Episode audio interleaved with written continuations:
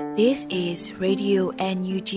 the voice of National Unity Government of Myanmar, broadcasting for Myanmar's Spring Revolution. Radio NUG is transmitting from shortwave 16 meter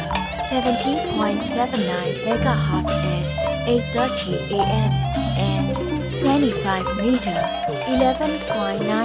megahertz at 8:30 p.m. Myanmar Standard Time. မင်္ဂလာပါရှင်အမျိုးသားညီညွတ်ရေးအစိုးရရဲ့အတန်လွတ်ဌာန Radio NUG ကိုမန္တပိုင်း၈နိုင်ခွဲမှာလိုင်းတူ6မီတာ19.3ခွန်ကုန်းမဂါဟတ်စ်နဲ့ညပိုင်း၈နိုင်ခွဲမှာလိုင်းတူ25မီတာ17.3ကိုလီမဂါဟတ်စ်တို့မှာဓာတ်ရိုက်ဖမ်းယူနားဆင်နိုင်ပါပြီရှင်မင်္ဂလာအပေါင်းနဲ့ကြည့်ကြကြပါစို့အခုချိန်ကစပြီး Radio NUG စီစဉ်လေးကိုဓာတ်ရိုက်အတန်နဲ့ပေးနေပါပြီ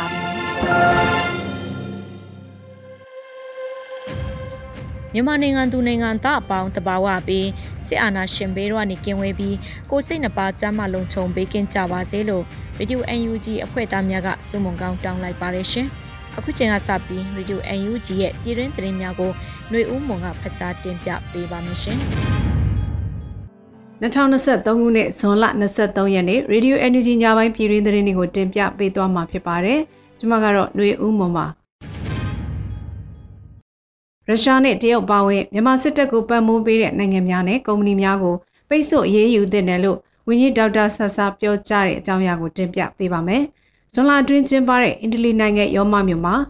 No Time Left ခေါင်းစဉ်ဖြင့်ညီလာခံဆွေးနွေးပွဲမှာရုရှားနဲ့တရုတ်ပါဝင်မြန်မာစစ်တပ်ကိုပတ်မိုးပေးတဲ့နိုင်ငံများနဲ့ကုမ္ပဏီတွေကိုပိတ်ဆို့အရေးယူသင့်တယ်လို့ပြည်ထောင်စုဝန်ကြီးဒေါက်တာဆဆာကပြောကြားခဲ့ပါတယ်။ စေအုပ်စုရဲ့ဆိုးရွားတဲ့လူခွင့်ရေးချိုးဖောက်မှုတွေကြောင့်အီတလီနဲ့ EU အဖွဲ့ဝင်နိုင်ငံတွေကနေတဆင့်အောက်ပါလှုပ်ဆောင်ချက်တွေကိုထည့်သွင်းစဉ်းစားဖို့တောင်းဆိုပါတယ်။မြန်မာနိုင်ငံဒီမိုကရေစီလိုလားတဲ့အခိုက်အတန့်တွေကိုပံ့ပိုးပေးဖို့နဲ့စစ်ဘက်ဆိုင်ရာအရာရှိတွေနဲ့သူတို့ရဲ့ဗဏ္ဍာရေးဗန်လုပ်ငန်းနဲ့ကွန်ရက်တွေပါဝင်မြန်မာနိုင်ငံကလူခွင့်ရေးချိုးဖောက်မှုတွေအတွက်တာဝန်ရှိတဲ့ပုဂ္ဂိုလ်တွေပေါ်ပြင်းထန်တဲ့ပြစ်မှတ်ထားရေးယူမှုတွေချမှတ်ဖို့ EU ဆိုရတွေနဲ့ EU ဖွဲ့ဝင်နိုင်ငံတွေကိုတောင်းဆိုလိုက်ပါတယ်။ MOG နဲ့ ရုရှားတရုတ်ပါဝင်မြန်မာစစ်တပ်ကိုပတ်မိုးပေးတဲ့နိုင်ငံများနဲ့ကုမ္ပဏီတွေကိုပိတ်ဆို့ရေးယူဖို့ EU မိဖက်များအတွက်ထောက်ခံချက်ပေးထားပါတယ်လို့ဝန်ကြီးကဆိုပါတယ်။စေအုပ်စုကအာဏာသိမ်းပြီးနောက်ပိုင်းနိုင်ငံတော်၏တာမင်ငယ်ပုဂ္ဂိုလ်ဒေါအောင်ဆန်းစုကြည်နဲ့သမရဦးဝင်းမြင့်တို့ပါဝင်လူပေါင်း22,532ဦးကိုမတရားဖမ်းဆီးခဲ့ပါတယ်။ဒါအပြင်ကွက်မြက်ခံထားရသည့်ဒီမိုကရေစီခေါင်းဆောင်လေးဦးပါဝင်လူ156ဦးကိုတေတံချမှတ်ခဲ့ပါတယ်ရှင်။ NUG အစိုးရဟာအိန္ဒိယနိုင်ငံများနဲ့လည်းဆက်ဆံရေးကောင်းမွန်အဆင်ပြေခြင်းတယ်လို့ဝန်ကြီးဒေါက်တာဇော်ဝေဆိုးပြောကြားတဲ့အကြောင်းအရာကိုဆက်လက်တင်ပြပေးပါမယ်။ဇွန်လအတွင်း American ခီးစဉ်မှာအိန္ဒိယနိုင်ငံများနဲ့ပတ်သက်ပြီးပြည်ထောင်စုဝန်ကြီးဒေါက်တာဇော်ဝေဆိုးကတွဲဆုံမေးမြန်းခန်းတစ်ခုမှအခုလိုပြောကြားခဲ့ပါတယ်။ကျွန်တော်တို့ဟာတရုတ်နယ်လည်းဆက်သွယ်တယ်။တခြားအိန္ဒိနာချင်းနိုင်ငံတွေနဲ့လည်းဆက်သွယ်ပါတယ်။ကမ္ဘာနိုင်ငံတွေနဲ့လည်းဆက်သွယ်တယ်။ကျွန်တော်တို့အစိုးရဟာတကယ်တော့အိန္ဒိနာချင်းနိုင်ငံတွေနဲ့လည်းအဆင်ပြေကြပါတယ်။အဆင်ပြေမှလည်းဖြစ်မှာပေါ့လို့ဝန်ကြီးကဆိုပါတယ်။ လက်ရှိမှာကိုရီးယားဂျပန်ပြင်သစ်နိုင်ငံဩစတြေးလျနိုင်ငံနော်ဝေနိုင်ငံတို့မှာ energy ကိုယ်စားလှယ်ရုံးတွေဖွင့်လှစ်ထားပြီး American Washington DC မှာလည်းနိုင်ငံခြားရေးဝန်ကြီးရုံးကိုဖွင့်လှစ်ထားရှိကနိုင်ငံတကာဆက်ဆံရေးများတိုးမြင့်ဆောင်ရွက်လျက်ရှိပါတယ်ရှင်။မြို့သားညီညွတ်ရေးအစိုးရနိုင်ငံခြားရေးဝန်ကြီးဌာနပြင်သစ်နိုင်ငံဆိုင်ရာကိုယ်စားလှယ်ဒေါ်နန်စုမုံအောင်သည်ပြင်သစ်အောက်လွှတ်တော်အမတ် EELV ပါတီဖွဲ့ဝင် Miss Sandrine Rousseau နဲ့တွေ့ဆုံခဲ့တဲ့တဲ့ရင်ကိုတင်ပြပေးပါဦးမယ်။ ဇွန်လ22ရက်နေ့မှာမြို့သားညီညွတ်ရေးအစိုးရနိုင်ငံခြားရေးဝန်ကြီးဌာနပြင်သစ်နိုင်ငံဆိုင်ရာကိုယ်စားလှယ်ဒေါ်နန်းစုမွန်အောင်ဟာပြင်သစ်အောက်လွှတ်တော်မှ ELV ပါတီဖွဲ့ဝင် Miss Sandrine Rousseau နဲ့တွေ့ဆုံဆွေးနွေးခဲ့တယ်လို့ NUG ပြင်သစ်ကိုယ်စားလှယ်ရုံးကထုတ်ပြန်ပါတယ်။ဆိုပါတွေ့ဆုံပွဲမှာပြင်သစ်နိုင်ငံဆိုင်ရာ NUG ကိုယ်စားလှယ်မှမြန်မာနွေဦးဒေါ်လာရင်းနှစ်နှစ်အတွင်းတိုးတက်လာတဲ့အခြေအနေတွေပါဝင်ပြင်သစ်အောက်လွှတ်တော်အနေနဲ့ CRPH ပြည်ထောင်စုလွှတ်တော်ကိုစားပြုကော်မတီဖွဲ့ဝင်များနဲ့ ပုံမှန်တွေ့ဆုံဆွေးနွေးမှုများပြုလုပ်ကြဖို့တိုက်တွန်းပြောကြားခဲ့ပါတယ်။ဒါအပြင်မြန်မာရေးနဲ့ပတ်သက်ပြီးပြည်내အောက်လွှတ်တော်မှပြည်내အစိုးရကိုမြန်မာရေးအတွက်ပုံမအားပေးထောက်ခံရန်တိုက်တွန်းခဲ့တယ်လို့သတင်းရရှိပါတယ်ရှင်။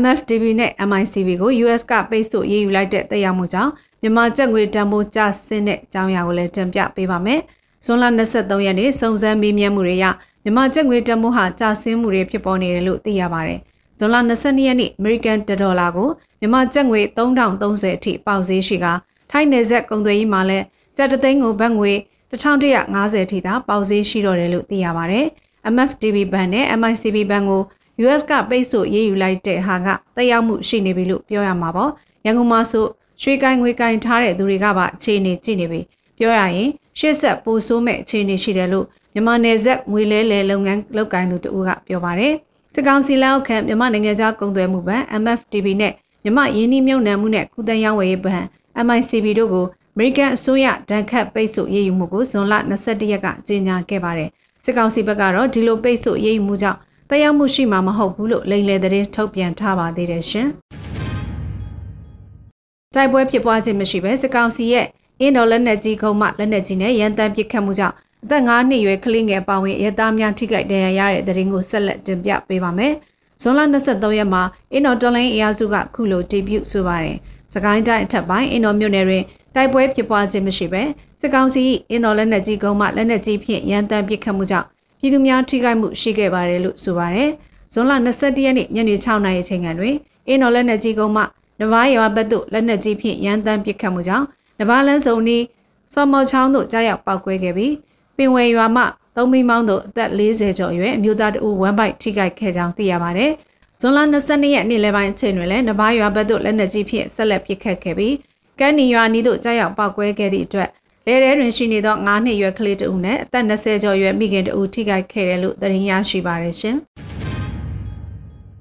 အာယူထပြန်အောင်ချင်းအာမန်ဇူလိုင်၄ရက်နေ့အထိကမ်ပိန်းရက်ထပ်မံတိုးမြင့်တဲ့သတင်းကိုဆက်လက်တင်ပြပေးပါမယ်။ ဇွန်လ23ရက်နေ့မှာကမ်ပိန်းနဲ့ပတ်သက်လို့ CDF မင်းတပ်ကခုလိုအသိပေးဆိုပါတယ်။တော်လိုင်းရေးမပြီးသေးသလိုကမ်ပိန်းလည်းမပြီးသေးဘူး။ကမ်ပိန်း target လည်းမပြည့်မီသေးဘူး။ကမ်ပိန်းကာလကိုဇွန်လ၄ရက်နေ့အထိတက်တန်းတိုးထားကြတယ်နော်။ဆက်လက်ဝန်းရံအားဖြည့်ပေးကြပါအောင်လို့ဆိုထားပါတယ်။ကျသိန်း9000 campaign ဖြစ်တဲ့အာယူထပြန်အောက်ချင်းအာမန်ဆိုတဲ့ခေါင်းစဉ်နဲ့ fundraising campaign ကိုမေလ19ရက်မှစတင်ခဲ့ပါတယ်။အာယူထပြန်အောက်ချင်းအာမန်စီမံကိန်းဟာ CDF မင်းတပ်အနေနဲ့အင်မတန်ခွန်အားဖြစ်မဲ့စီမံကိန်းဖြစ်တဲ့အလျောက် ပြည်သူလူထုအနေနဲ့ပါဝင်ဖို့လည်းလိုအပ်တယ်လို့ဆိုထားပါတယ်။ကမ်ပိန်းတွေပါဝင်လူသူများအနေနဲ့ CDF မင်းတပ်ရဲ့လူမှုကွန်ရက်မှာ fundraising ကိုယ်စားလှယ်များကိုအသိပေးဖော်ပြထားပါတယ်ရှင်။ခုတင်ပြခဲ့တဲ့သတင်းတွေကို Radio NUG သတင်းတော့မင်းတီဟန်ကပေးပို့ထားတာဖြစ်ပါတယ်ရှင်။စီရေးဆိုင်ရာပြစ်မှတ်သတ်မှတ်ချက် targeting 1စစ်အာဏာရှင်စနစ်၏ရန်ရာများကိုသာချိန်မှုံရမည်။2ရသပြည်သူများအားချင်းချောက်ခြင်း ပြစ်မှတ်ထားတိုက်ခိုက်ခြင်းမပြုရ။3စာတင်ကြောင်းဆေးရုံဘာသာရေးအဆောက်အုံရည်ကျင်းမှုဆိုင်ရာထိမ့်မှတ်နေရာများနှင့်ရသပြည်သူများစုဝေးသွားလာလှုပ်ရှားသောနေရာများအားပြစ်မှတ်ထားတိုက်ခိုက်ခြင်းမပြုရ။၄လူနာတင်ရင်များကျန်းမာရေးစောင့်ရှောက်မှုပေးသောနေရာများရှေးဦးသူနာပြုများနှင့်ကျန်းမာရေးစောင့်ရှောက်ကုသမှုပေးသူများလူမှုကယ်ဆယ်ရေးတင်းဖွဲ့များအားပြစ်မှတ်ထားတိုက်ခိုက်ခြင်းမပြုရ။ လက်နက်ချအညံ့ခံသူများနှင့်စစ်တုံးပန်းများအပေါ်ပြုကျင့်ရမည်ကျင့်ဝတ်များ၁လက်နက်ချအညံ့ခံသူများနှင့်စစ်တုံးပန်းများအားနှိပ်စက်ခြင်းတပ်ဖြတ်ခြင်းမပြုရ။နှင့်စစ်တုံးပန်းများနှင့်ဖမ်းဆီးထိန်းသိမ်းထားသူများအားဂျနီဗာကွန်ဗင်းရှင်းပါပြဋ္ဌာန်းချက်များအရလူကုန်သိက္ခာနှင့်အညီဆက်ဆံရမည်၃မိသားစုများထံအတန်တိုင်းဆုံးအသိပေးကြောင်းကြားခြင်းကျန်းမာရေးစောင့်ရှောက်မှုပေးခြင်းချုံလုံထားရှိရန်လိုအပ်ပါက အမျိုးသားနှင့်အမျိုးသမီးတည်တံ့ခွဲခြားချုံနှောင်ခြင်းပြုရမည်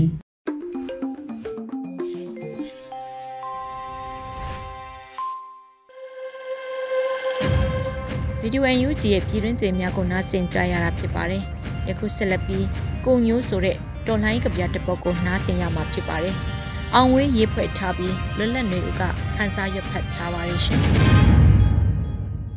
ကိုညိုး ခင်များကတရက်ထောင်အဝင်ကျွန်တော်ကပသိမ်ထောင်ကအထွက်အေးဆက်ဆက်မန္တလေးမနက်ခင်းအမေပေးဝတ်တဲ့ခမည်းရဲ့ဆွဲတာလေးခုထိနှွေးဆဲပါကိုညိုခင်များကမန်းတက်ကတူဘောလုံးသမားငိမ့်ချမ်းအနေနဲ့ဂိုးတွေသွင်းခဲ့တာပေါ့နောက်တော့ခင်များညီပုလေးအနေနဲ့ဂိုးတွေဆက်သွင်းပြန်တယ် ခင်များရဲ့ကောင်းတိုက်ချက်တွေတစ်ဖက်ကိုသမားမဖမ်းနိုင်ခဲ့ဘူးတချို့ပွဲတွေမှာငိမ့်ချမ်းစိမ့်လန်းနာမည်နဲ့ခင်များရဲ့ဘဲချီကန်ချက်တွေကလန်ထွက်နေတာပဲဗျာဟောຫນွေဦးဖလားမှာစကောလေတော်အဖြစ်နဲ့ကိုညို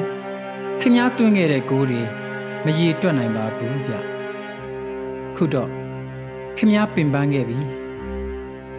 တန်ရာယထာနှလုံးသားကြီး အနားယူပါတော့အကိုကြီးကိုစိုးဝင်းရေဘိုးညိုကိုကြိုပါတော့တငယ်ချင်းအောင်ဝေး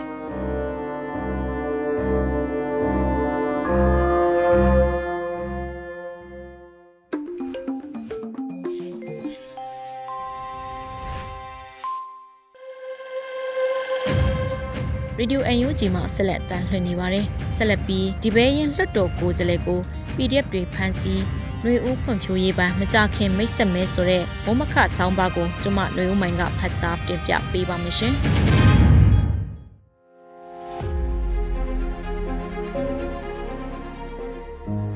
မြန်မာຫນွေဦးခရိုနီကယ်ဇိုလ22မြင်ကွင်းဒီဘဲရင်လွှတ်တော်ကိုယ်စားလှယ်ကို PDF တွေဖမ်းဆီးနှွေဦးဖွံ့ဖြိုးရေးဗန်မကြခင်မိတ်ဆက်မဲဆိုတဲ့မုံမခဆောင်းပါးကိုဖတ်ကြားပေးပါမယ်။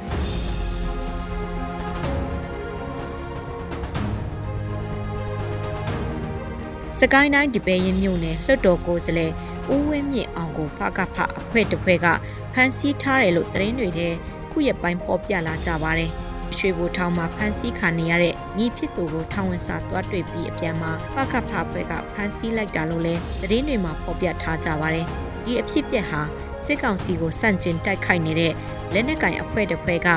NLD လွှတ်တော်ကိုယ်စားလှယ်ဒီပဲရင်မြို့နယ် NLD ဥက္ကဋ္ဌဟောင်းဖြစ်သူကို ဖမ်းဆီးတဲ့ပထမဆုံးသောဖြစ်ရဖြစ်ပါလိမ့်မယ်။ NLD လွှတ်တော်ကိုယ်စားလှယ်ဟောင်းတွေဖမ်းဆီးထားတဲ့ပကပအဖွဲ့ကတော့ဘာကြောင့်ဖမ်းဆီးတယ်ဆိုတာမျိုးထုတ်ပြန်တာမရှိသေးပါဘူး။သတင်းတချို့မှာတော့အိုးဝင်းမြင့်အောင်ကိုပါတီကထုတ်ပေထားပြီးဖြစ်လို့လွတ်တော်ကိုယ်စားလှယ်လည်းမဟုတ်တော့ဘူးလို့ပြောဆိုထားတာတွေ့ရပါတယ်။နောက်သတင်းတပုတ်မှာတော့အိုးဝင်းမြင့်အောင်ကလက်နက်ကင်တိုက်ခိုက်မှုတွေကိုစန့်ကျင်တဲ့ပြောဆိုမှုတွေလှုပ်ဆောင်တာကြောင်းလို့ပြောဆိုတာလည်းဖတ်ရှုရပါတယ်။သတင်းတပုတ်မှာစက်ကောင်စီနဲ့ပူးပေါင်းနေဆိုတဲ့ ဆွဆွဲချက်ကိုပြောဆိုတာဖတ်ရှုရပါတယ်။သို့ပေမဲ့ဘလို့ပူးပေါင်းနေဆိုတာမျိုးအထောက်အထားနဲ့ပြောဆိုတာမျိုးတော့မဟုတ်ပါဘူး။စစ်အာဏာသိမ်းပြီးခါစမှာတော့ဦးဝင်းမြင့်အောင်အပါဝင်အခြားသော NLD လွှတ်တော်ကိုယ်စားလှယ်တွေရဲ့အိမ်တွေကိုစစ်ကောင်စီကဝင်ရောက်ရှာဖွေပြီးပါတီနဲ့ပတ်သက်တဲ့ပစ္စည်းတွေတင်စီသွားတာတွေဖြစ်ပျက်ခဲ့တာဖြစ်ပါတယ်။အဲဒီကာလကလွှတ်တော်ကိုယ်စားလှယ်တွေနဲ့အိမ်ကနေတိတ်ဆောင်နေထိုင်နေခဲ့ကြလို့ ဖမ်းဆီးမခံခဲ့ကြရပေမဲ့ဇနီးသားနဲ့ညီဖြစ်သူကိုစစ်ကောင်စီကဖမ်းဆီးခဲ့တာဖြစ်ပါတယ်။နောက်ပိုင်းမှာဦးဝင်းမြင့်အောင်လည်းဖမ်းဆီးခံရပြီးနောက်ပြန်လည်လွတ်မြောက်လာတယ်လို့သတင်းဖော်ပြချက်တွေရသိရပါတယ်။အဲဒီနောက်ရမှန်နှစ်ကတခြားသောအဖြစ်အပျက်တွေဖြစ်တဲ့ပါတီပြန်လည်မှတ်ပုံတင်ဖို့ရုံးပြန်ဖုံဖို့စ조사သူဒေါ်စန္ဒမင်းနဲ့ဦးတူးလွင်ဒေါ်အောင်ဆန်းစုကြည်ကိုအကရိလိုက်စားမှုပုံမှန်နဲ့ဆွဲဆိုတဲ့အမှုမှာတက်တေထွက်ဆိုတဲ့ ရန်ကုန်တိုင်းဝန်ကြီးချုပ်ဟောင်းဦးဖြိုးမင်းသိန်းတို့နဲ့အတူပါတီမှထုတ်ပယ်ခံရတဲ့အထက်ဦးဝင်းမြင့်အောင်လည်းပါဝင်ခဲ့တာဖြစ်ပါတယ်။အခုအပြစ်ပြက်မှာ NLD အနေနဲ့လွှတ်တော်ကိုယ်စားလှယ်အဖြစ်ကနေ၎င်းတို့ထုတ်ပယ်ထားပြီးဖြစ်လို့မှတ်ချက်မပေးလို့တော့ဘူးလို့သတင်းမီဒီယာတွေကိုပြောဆိုတာလည်းတွေ့ရပါတယ်။ဖန်ဆီးထားတဲ့အဖွဲ့အနေနဲ့တော့တာဝန်ခံမှုရှိစွာနဲ့ဘာကြောင့်ဖန်ဆီးရတယ်ဘလို့စစ်ဆေးမင်းမြတ်မှုတွေပြုလုပ်နေတယ်ဘလို့ဥပဒေတော့မဟုတ်စီမင်းစည်းကမ်းတွေနဲ့အညီ အရေးယူမလဲဆိုတာတွေကိုအတိပေးထုတ်ပြန်ဖို့လိုအပ်မှာဖြစ်ပါတယ်။စစ်ကောင်စီနဲ့ပူးပေါင်းနေဆိုတဲ့ရေဘူးရဆန်စွာဆွဲချက်မျိုးနဲ့ပြောဆိုတာထက်တိကျတဲ့အထောက်အထားအကျိုးအကြောင်းနဲ့ထုတ်ဖော်ပြောဆိုဖို့လိုအပ်မှာဖြစ်ပါတယ်။ပါတီမြို့နယ်ဥက္ကဋ္ဌဟောင်းနဲ့လွှတ်တော်ကိုယ်စားလှယ်ဟောင်းတို့ကိုဖမ်းဆီးလိုက်ခြင်းက တစ်ဖက်မှာစစ်ကောင်စီစန့်ကျင်တော်လှန်နေကြတဲ့အင်အားစုတွေအချင်းချင်းမှာအကွဲအပြဲတွေဖြစ်နေပြီးအချင်းချင်းဖမ်းဆီးတာတွေလုပ်နေပြီးဆိုတော့ပုံရိပ်ထွက်ပေါ်အောင်စစ်ကောင်စီဘက်ကဝါရဖြန့်တာတွေတာမန်ပြည်သူတွေထင်မြင်လာစေအောင်လှုံ့ဆော်နိုင်တဲ့အနေအထားလည်းရှိနေတာဖြစ်ပါတယ်။ဒီနေ့ဖို့အခြားသတင်းတပုတ်အနေနဲ့ကတော့အမျိုးသားရင်ညွှန်ရေးအစိုးရကຫນွေဦးဖွံ့ဖြိုးရေးဘဏ်လို့အမိပေးထားတဲ့ဘဏ်ကိုတီထောင်ပြီးဖြစ်တယ်လို့အသိပေးလိုက်ပြီးမကြခင်သတင်းပတ်တွေအတွင်း အများသိရှိအောင်မိတ်ဆက်ရှင်းလင်းပြောဆိုဖို့ရှိရလို့ဆိုပါတယ်။မြန်မာကျပ်ငွေအပါအဝင်အခြားငွေကြေး၃မျိုးဖြစ်တဲ့ထိုင်းဘတ်အမေရိကန်ဒေါ်လာစင်ကာပူဒေါ်လာတို့ပါဝင်တဲ့ငွေကြေးလေးမျိုးကိုငွေလွှဲငွေသွင်းငွေထုတ်လှုပ်ဆောင်နိုင်မယ်လို့ကနအိုပြောဆိုထားတာတွေ့ရပါတယ်။အခုဘဏ်စနစ်ကလည်း digital ဘဏ်စနစ်သာဖြစ်ပြီးပြင်ပမှာဘဏ်ခွဲဘဏ်ယုံစတာတွေဖွင့်လှစ်မဲ့သဘောမဟုတ်ဘူးလို့နားလည်ရပါတယ်။ online ကတစင်ငွေပေးငွေယူလုပ်တာငွေလွှဲတာတွေလုပ်ဆောင်မှာဖြစ်ပြီးတကယ့်ငွေစက်ကူအနေနဲ့ထုတ်ယူချိန်တော့အခြားသောဘဏ်စနစ်နဲ့ဘယ်လိုချိတ်ဆက်လုပ်လို့မလဲဆိုတော့အသေးစိတ်မေးခွန်းတွေရှိနေအောင်မှာဖြစ်ပြီးလောလောဆယ်တော့ထုတ်ဖော်ပြောဆိုတာမရှိသေးပါဘူးအခုလိုနှွေဦးဖွံ့ဖြိုးရေးဘဏ်ဖွင့်လှစ်မဲလို့မကြေညာခင် NUG အနေနဲ့ဗဟိုဘဏ်ထူထောင်မဲဆိုတဲ့ထုတ်ဖော်ပြောဆိုမှုမျိုးရှိခဲ့ပြီးဗဟိုဘဏ်ထူထောင်ပြီးနောက်မှာဘဏ်လုပ်ငန်းလိုင်စင်ချထားပေးတာမျိုးတွေ လှုပ်ဆောင်မယ်လို့လည်းပြောဆိုခဲ့ပူပါတယ်။အဲဒီနောက်ဗဟိုဘဏ်ထူထောင်တာထက်လက်တွေ့မှာ online ငွေကြေးအပေးအယူအလွှဲအပြောင်းလှုပ်ဆောင်နိုင်မဲ့ဘဏ်ဝင်ဆောင်မှုကိုစတင်လှုပ်ဆောင်လိုက်တာဖြစ်ပါတယ်။အရင်နှစ်တွေကလေးကစတင်ခဲ့တဲ့ NUG ပေးစနစ်လဲလဲပတ်သုံးဆွဲသူတွေရှိနေတာဖြစ်ပြီးပြည်တွင်းထက်ပြည်ပရောက်မြန်မာတွေအကြားမှာသုံးဆွဲနေကြတာဖြစ်ပါတယ်။ SPB လို့အတူကောက်ခေါ်ဆိုတဲ့မျိုးဖွံ့ဖြိုးရေးဘဏ်ကနိုင်ငံတကာငွေကြေးစနစ်တွေနဲ့တနည်းအားဖြင့် online ပေါ်ကဂိမ်းကနန်းတွေကိုလက်တွေ့ငွေသားငွေစည်းတွေနဲ့ဘယ်လိုချိတ်ဆက်လှုပ်ဆောင်နိုင်မလဲဆိုတာတော့မကြခင်မိတ်ဆက်တဲ့အချိန်ကြရင်အသေးစိတ်ထုတ်ပေါ်ပြောဆိုလိမ့်မယ်လို့ယူဆရပါတယ်ရှင်။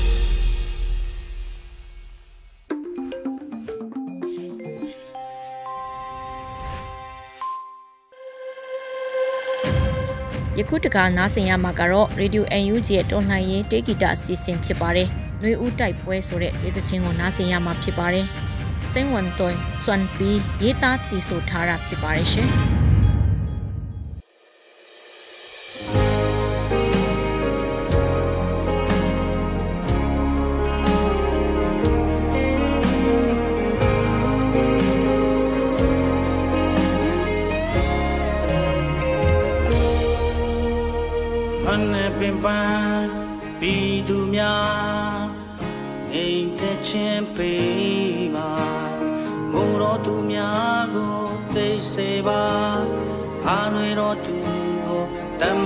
ပြီးနှလုံးသားကိုလည်းရဲရင်စေပါလူတိုက်ပွဲအောင်နိုင်ခွင့်ပေးပါ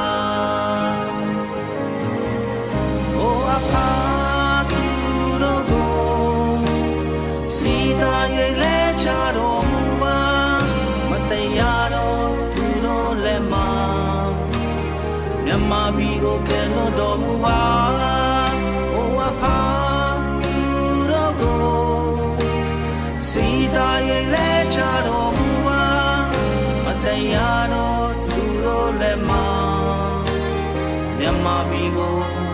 ကဲလို့တော်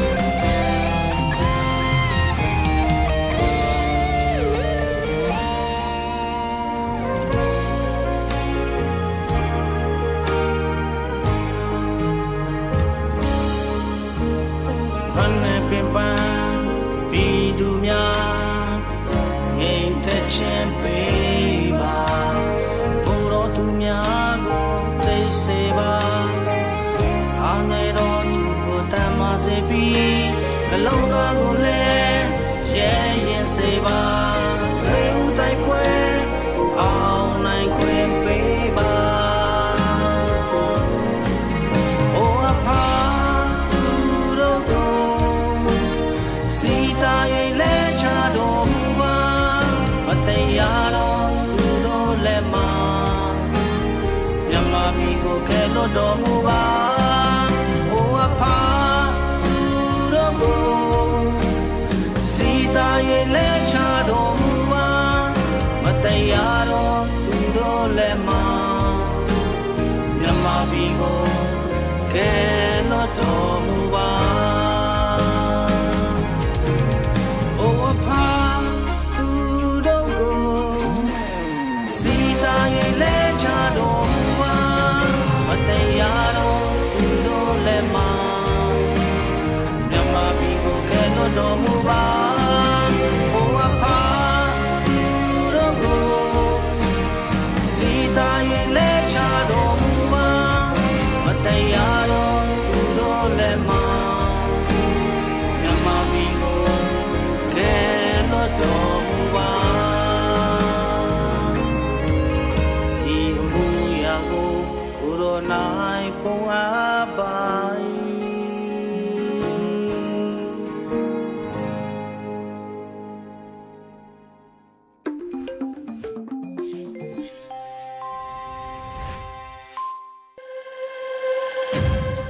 ဆက်လက်ပြီးဖြစ်ကြောင်းကုံစင်အညာတခွင်အပိုင်း53ကိုပြည်ကျော်ကတင်ဆက်ပေးမှာဖြစ်ပါတယ်ရှင်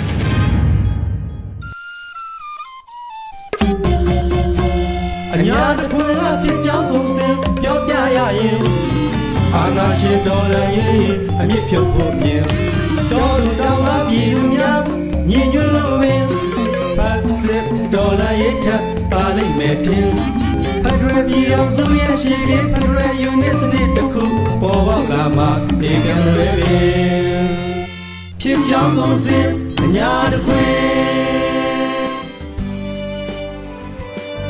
ကဲဒီတပတ်မှာတော့အညာတစ်ခွင်စာတင်စရာလေးတွေကိုကျွန်တော်ပြည်ကျော်စီစော်ပြီးရင်ဖွင့်ရရင်ဖြစ်ရှုံးမပေးနဲ့ ရေရဲရင်မှာကြောပြတ်သွား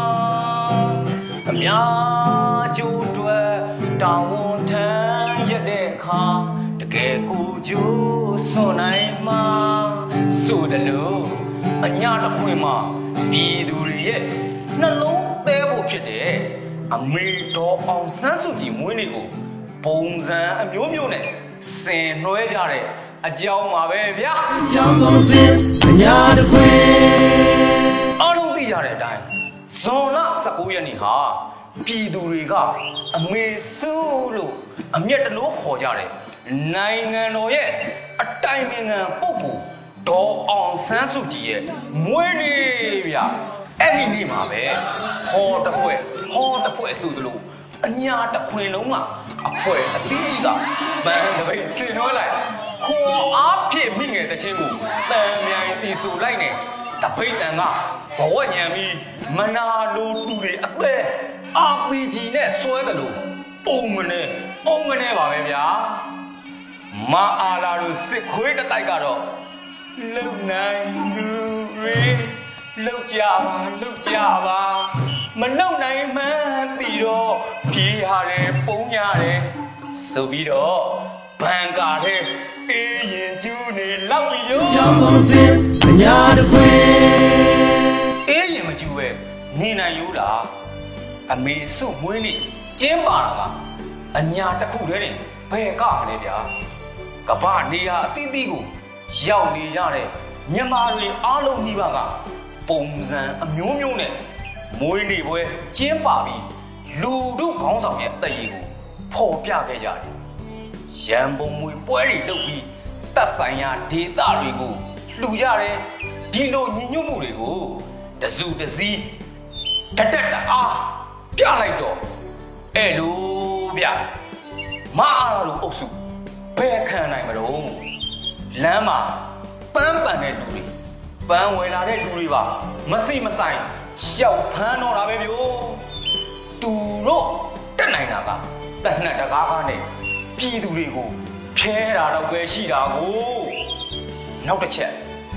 နေပယ်သီးသီးကမွေးနေ့ပွဲတွေကိုပုံစံအမျိုးမျိုးနဲ့လုံကြတဲ့တဲ့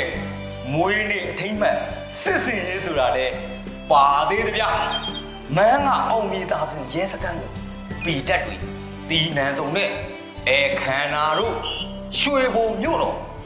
နန်းတော်ရတဲ့အခိုင်အခန့်စကန်းချနေတဲ့ စခါတွေကိုနနတ်သီးအချင်းလေးနဲ့ဝေးပြူတာတို့ပလဲမှာ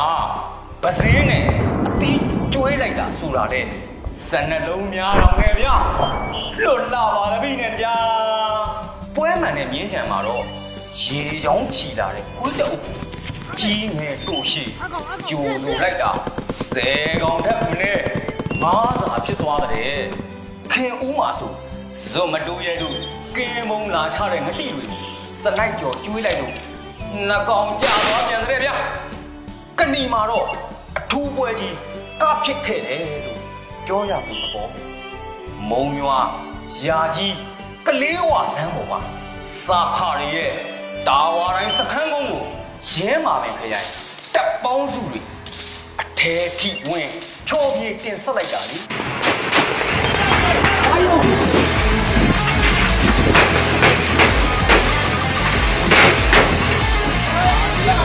င်းငါလို့ခွေးသနာတော့ဒါတွေလာရောက်နေဘာတွေလဲအပြစ်မဲ့တဲ့ပြည်သူကိုပေါက်ကားရဘုံနဲ့ချကြည့်အောင်ဘလို့လဲကြောက်စရာဘူးဘလူးဖြစ်ပါလေလုံးမ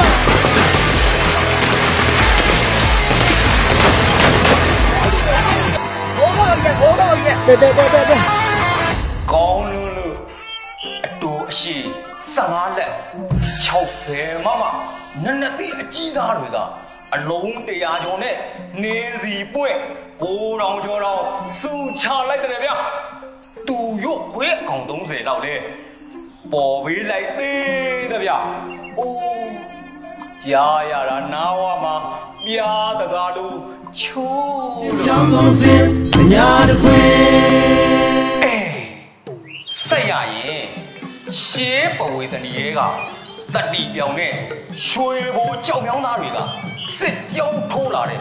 စာခတွေကိုတီးနှံဆုံး20ကျော်နဲ့9ချိန်စော်လိုက်တဲ့9ချိန်စော်လိုက်တဲ့တဲ့နော်26ရောက်တော့မာလကီယာသွားတဲ့ဗျာဆေးရုံကားနဲ့ကြွာသွားရတယ်